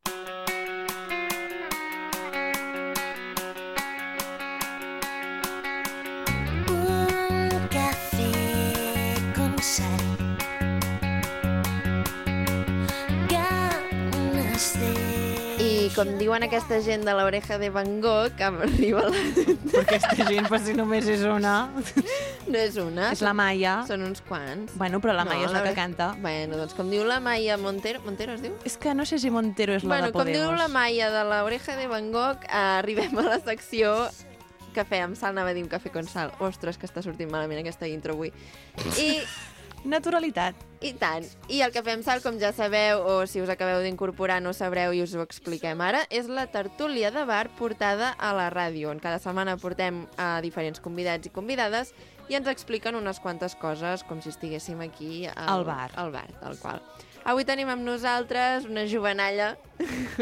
Explica, explica que les vas portar. Tenim a l'Abril Escofet, la Gisela Escofet i la Mariona Alarraqui. L'Abril i la Gisela són germanes, per això es diuen igual. I la Mariona Alarraqui és la, la tercera, la quarta germana, quasi. I són nenes del GEP, que he tingut jo sempre de monitora. Hi ha gent que no sap què és el GEP, ho has d'explicar. Tothom sap qui és el GEP. No. La gent sap què és el A cau, no que què és el sí, GEP. noies? Sí, tothom ho haurien sap. de saber-ho. Bueno, amb tot això, bon dia, noies, què tal? Bon dia, molt bé. Molt bé, molt bé. Sí, sí. Us ha agradat aquesta intro? Sí. S'ha fet llarga, eh? També t'ho haig de dir. Sí, oi? Sí, ha sigut, ha sigut A, a mi també se m'ho estava fent i admirava T'estava perquè fent bola tu sola, oi? bueno, molt bé. Els has explicat a les teves nenes com funciona això? Ah, els he explicat, heu fet els deures? els, els deures que els hi demanem pels de casa són sempre que portin una recomanació i una cosa que els hagi sorprès durant la setmana, el mes o, o la vida. I fan cara de que han fet els deures. Els hem fet. Més o menys. Bastant, pensat, els hem bastant. pensat. Bastant. Estan, estan. Vale, doncs qui vol començar? Senyalen a la Mariona, així sí, eh? que Així Mariona... és que començo jo. Amb la recomanació o...? El que tu vulguis. Vale. Doncs pues no, el que m'ha sorprès. Va, Vale. Ha estat que um, avui a la universitat no hi havia gent. O n'hi havia molt poca, com a mínim. Hem anat a fer una visita amb l'institut, no hi havia ningú. Tot Perquè plovia i és dilluns. No, No no té res a veure. Més gent hi havia d'haver. Hem fet els deures, estaven fets. Eren aquests. Vale, o sigui que um, dilluns vau anar a la universitat... dilluns vau anar a la universitat a portes obertes, entenc. Uh, O- Sí, a fer un tour. I no hi havia sé què ens ningú. No. No hi havia ningú perquè és festa, no? Quan és portes obertes? No, no. Ah, no?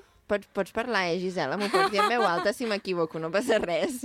Això és una tertúlia de bar. Hi havia gent fent classe, però molt poca. Potser feien campana.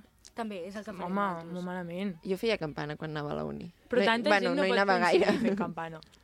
Um, Tu te'n. Judit, tu i jo vam anar juntes a aquestes portes obertes. a la UAP? Sí. Sí.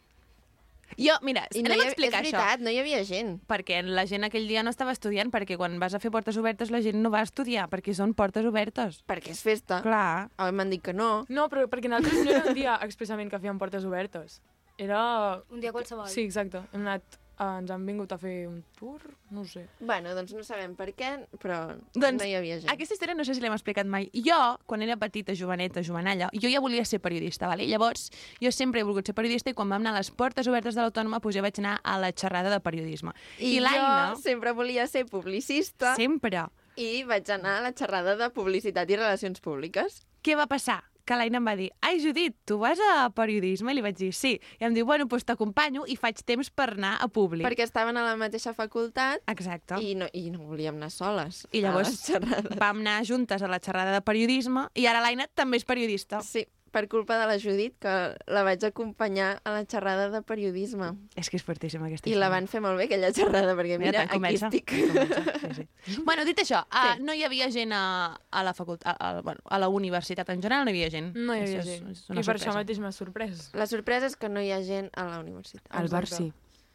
Al bar sí. Mira, Doncs doncs, ja tens la resposta. Justament al bar, quasi més que tota la universitat sencera. Sí. Clar, però al bar, almenys jo anava a la, a la Rovira i Virgili i al nostre bar, clar, podia venir qualsevol persona del carrer. Em refereixo, de vegades hi havia nens petits al bar, gossos al bar. a l'Autònoma Clar, no. l'autònoma no, perquè entenc que allà És un és un poble, clar, i allà hi va la gent del poble. A més a més, pensa que hi ha un bar central, que és a la plaça Cívica, a més a més un bar a cada facultat. Vull dir, hi ha molts bars Hi ha molts allà. bars. Moltes oportunitats de que no acabis arribant a classe.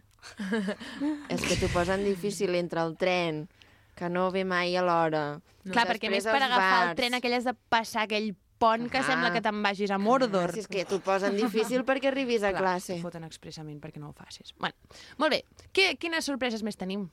Què, què us ha sorprès? Germanes Escofet, Abril, comences tu? Aviam, la meva sorpresa és una miqueta així. No és sorpresa, és curiositat. Però em va sorprendre que la contrasenya més utilitzada del món és 1, 2, 3, 4, 5 i la segona més utilitzada és 1, 2, 3, 4, 5, 6. No et crec. Que no, Ella que ha fet els deures millor que jo. Us ho juro. I ho Això podeu s'ha buscar, ho podeu buscar i la, i la, vuit, la tercera és 1, 2, 3, 4, 5, 6, 7, 8.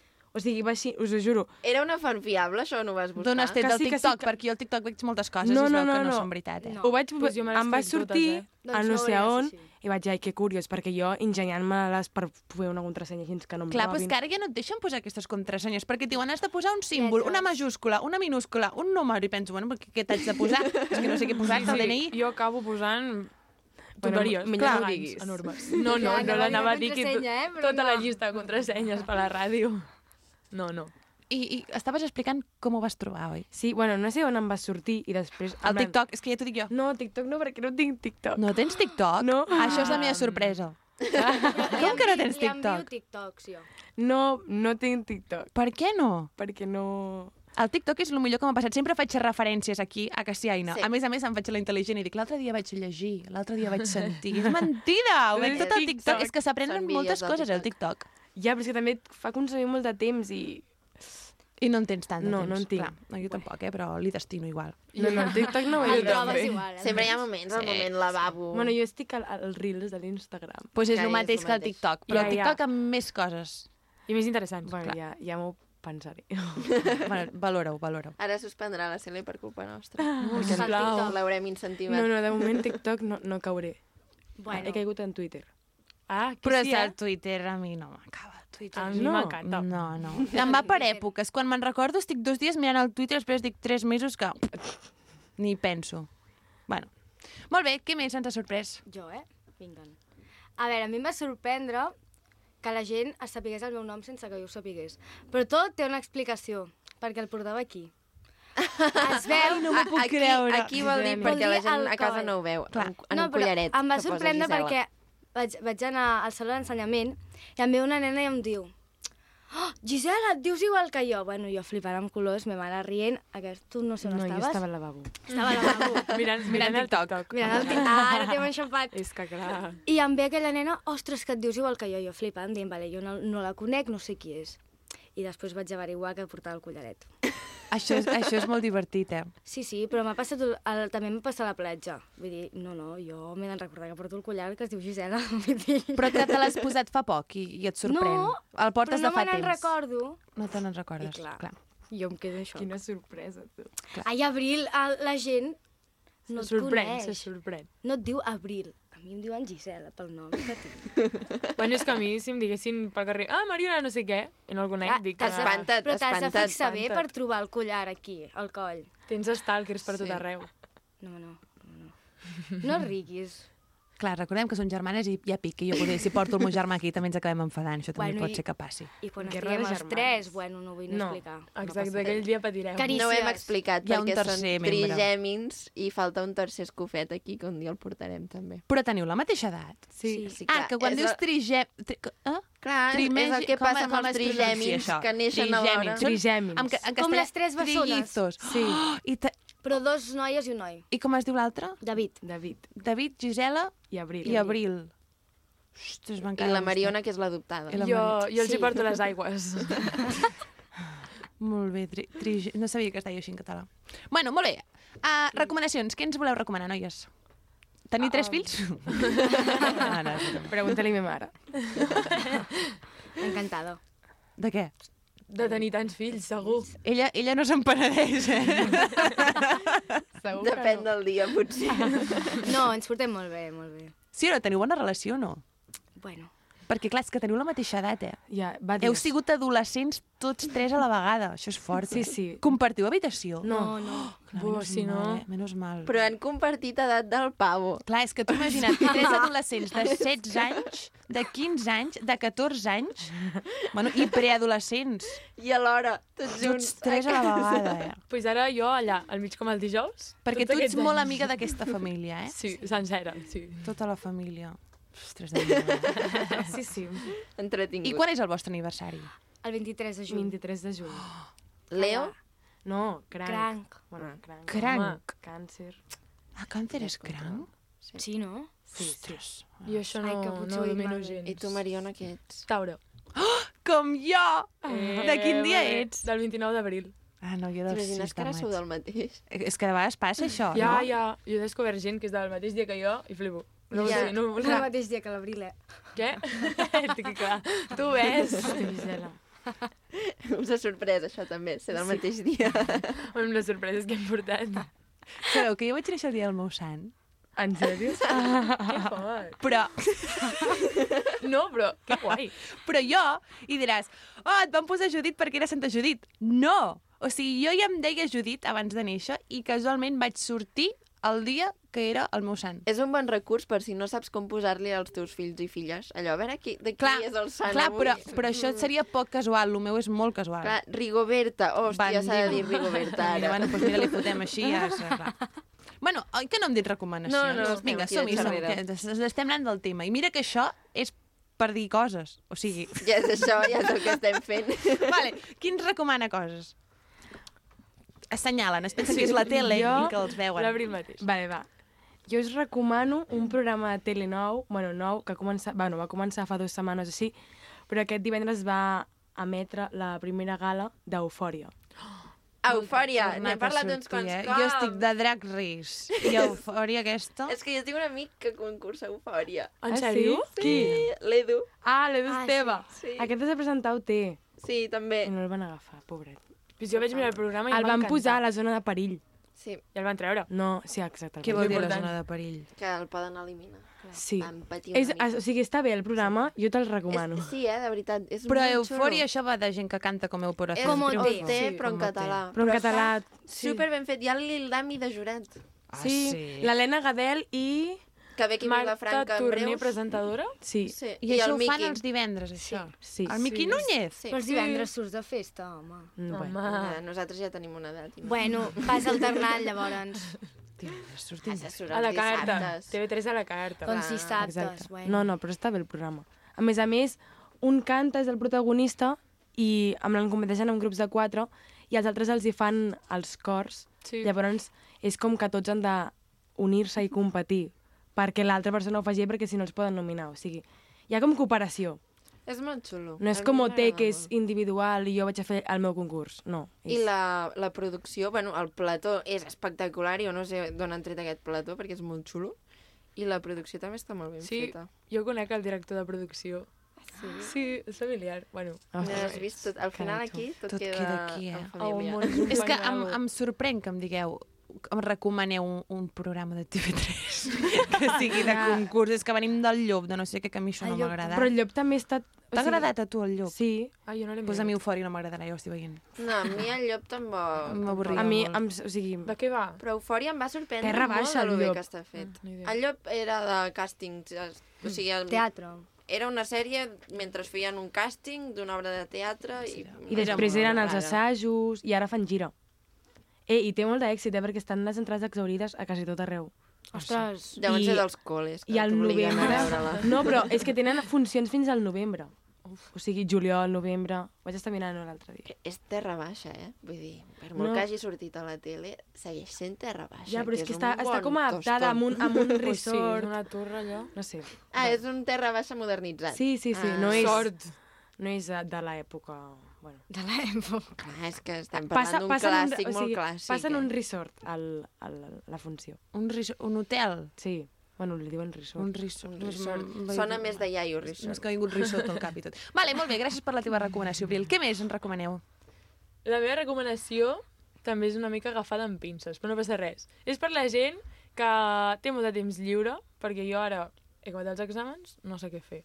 La meva sort. recomanació és que us torneu a mirar totes les pel·lis que us miràveu de petits, petites, un altre cop, perquè ahir vaig arribar a casa i vaig dir què faig? Demà no tinc res a fer, demà vaig a visitar una universitat, què faig? Vaig mirar el rec, el millor que, vaig...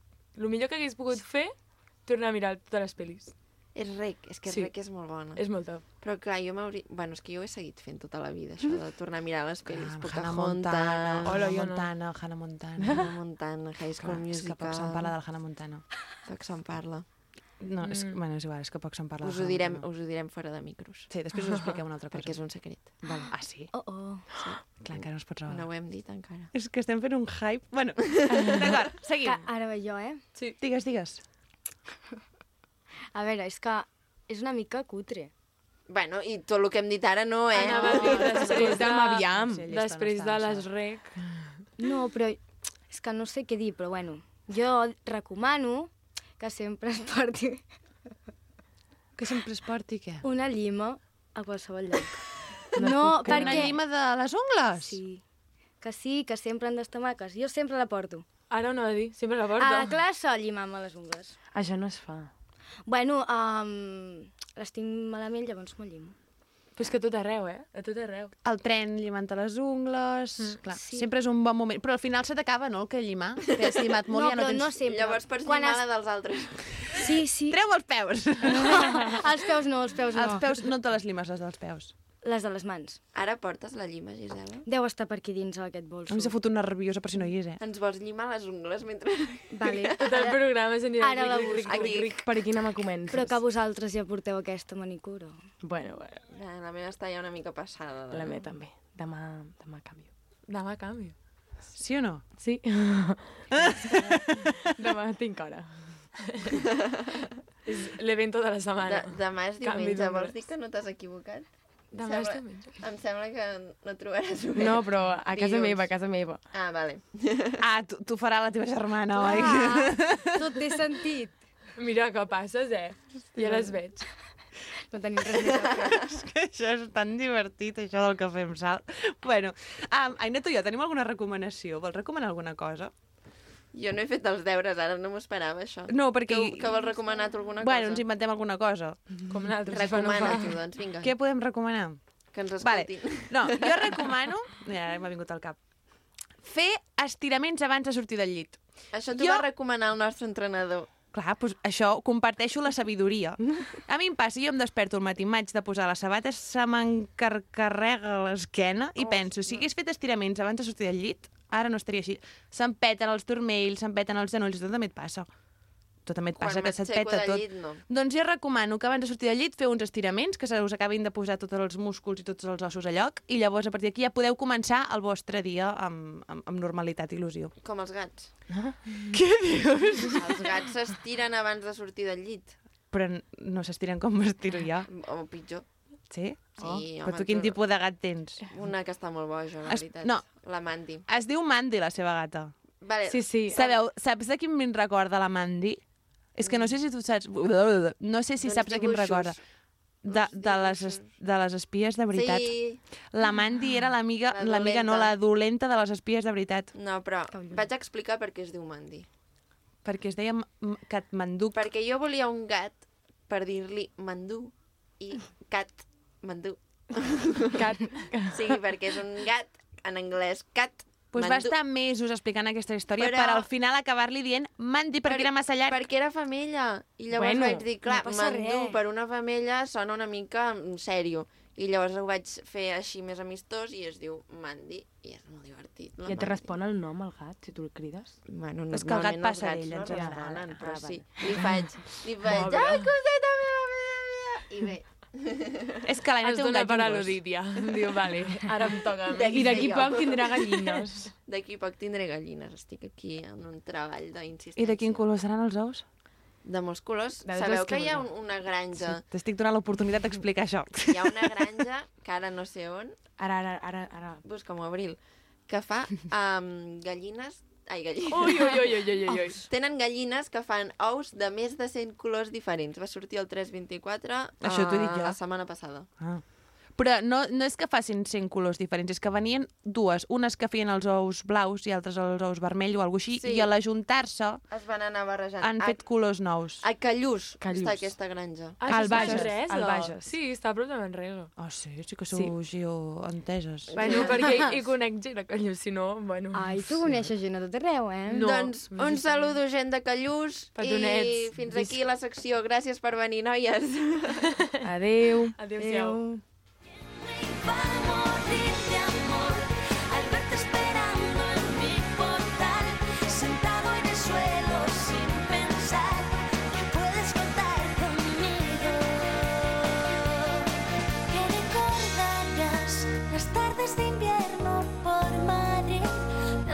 enteras sin dormir. La vida se pasa y yo me muero,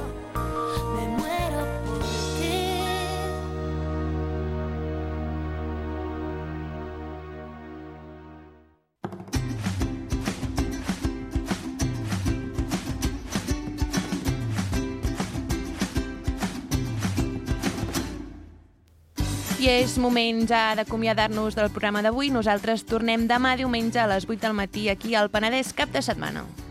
Penedès cap de setmana. El magazín dels dissabtes i diumenges a Ràdio Vilafranca.